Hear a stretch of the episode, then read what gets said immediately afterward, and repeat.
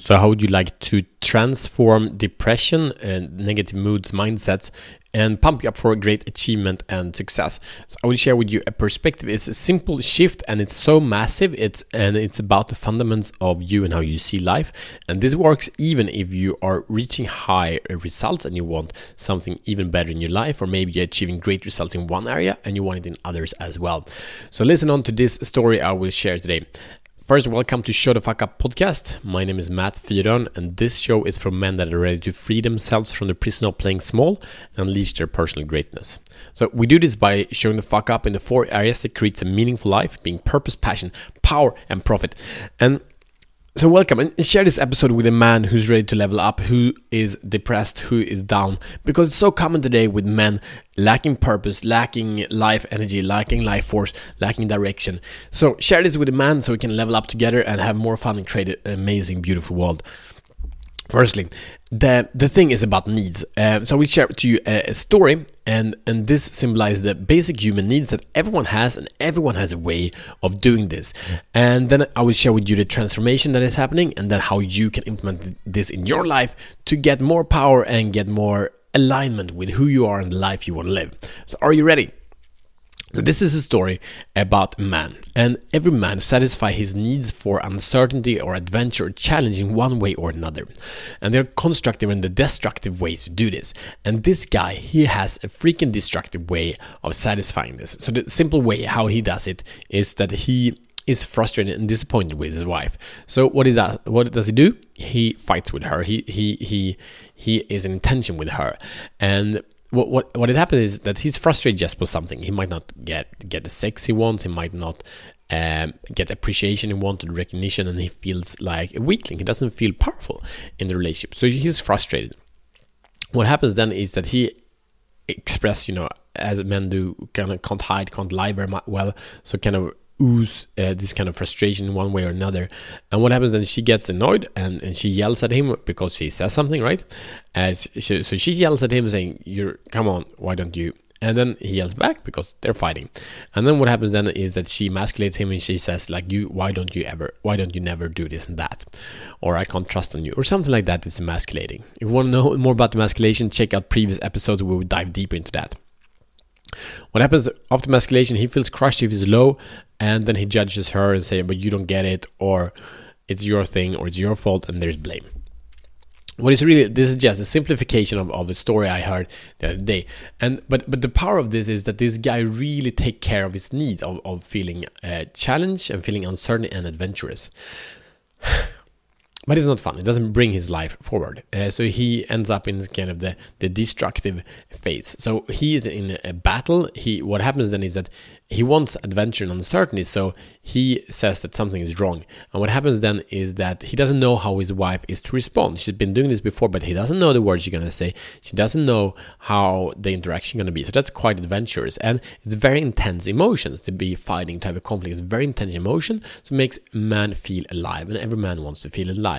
Another kind of sub need of of connection, and um and the many many other needs that are also satisfied in this. He feels significant because when she's yelling at him it's him that she's yelling at and she doesn't yell at anyone else. She doesn't focus on anyone else. He is the very focus of the attention. And again he feels certainty because he when he gets frustrated he kind of knows that there will be a reaction. So it also satisfies the need of that we'll go through the, the clear the, the definition of these needs in a little bit but hang on so this is just any man that that make sure that he satisfies his needs, but he doesn't want to do it in this way because it doesn't work for him. It doesn't bring him joy, happiness, and the peace and excitement that he wants in his life. So what can he do? He can break this pattern, and this is what I invite you for in any way where you're having a dysfunctional way. So the breaking here is to to um, he, he would want connection after this conflict, right? And then he uh, could appreciate maybe for how she's being with the kids, and then that happens, uh, and then she gets a little bit relaxed, and they have a good time, a few smiles, and a few chats. And then he gets the the needs satisfied with with connection and and love and appreciation, and then this goes in a loop because uh, he wants the challenge.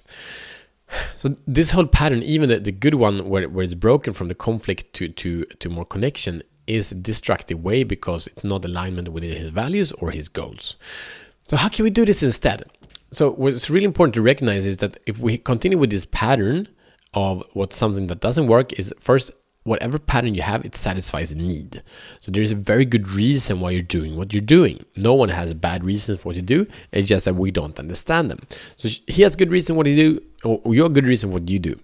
But there is a better way to satisfy the needs.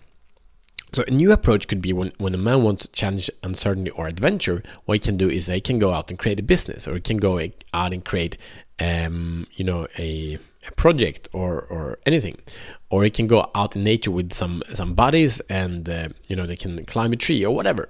Go for a walk, go for a hike, go for make a barbecue, something like this, right? These are ways to uh, the need of uncertainty and adventure in a more proactive, in a more constructive way.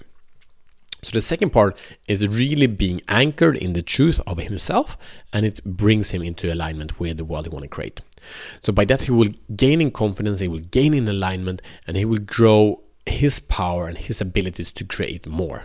And of course when he comes home to his wife, he will be relaxed much more. He will be able to do authentic appreciation and he will own his energy and he will be way way way way more attractive to his partner. So again, this this is another way of satisfying the need of uncertainty. And Tony Robbins speaks about six human needs, uh, four needs of the of the uh, human four, four human needs. That's certainty, that have have safety of the you know food and shelter and these kind of things. It's a need of adventure and uncertainty, uh, variety. It's a need of significance to be important to someone or, or a group of people, and it's a fourth need of connection and love. So there's one destructive way, and there's one um, what is it called? constructive way to satisfy the need. So if you are frustrated in a part of your life, the fact is that you have a destructive way to satisfy your need. Yes. All right. So the way and your mission should choose to accept it to transform this is to identify the need that you have that is behind the action that lead to an undesirable result okay identify the need number two is to identify a way that is aligned with the values and the world you want to create, how you can satisfy the need. Number three, um, commit to take that action and then you go do it. So by being able to have this awareness and create this transformation, you will be able to own your life in all areas of life and overcome depression and create great results. Because when when the pattern that creates good results is reinforced when that is empowered, when that is appreciated. We build momentum, we build focus, and we build direction. All right, I hope this makes sense and share this with a man that is ready to take massive action and overcome and become more than he is right now. That is it, and I thank you, and I see you tomorrow as better men.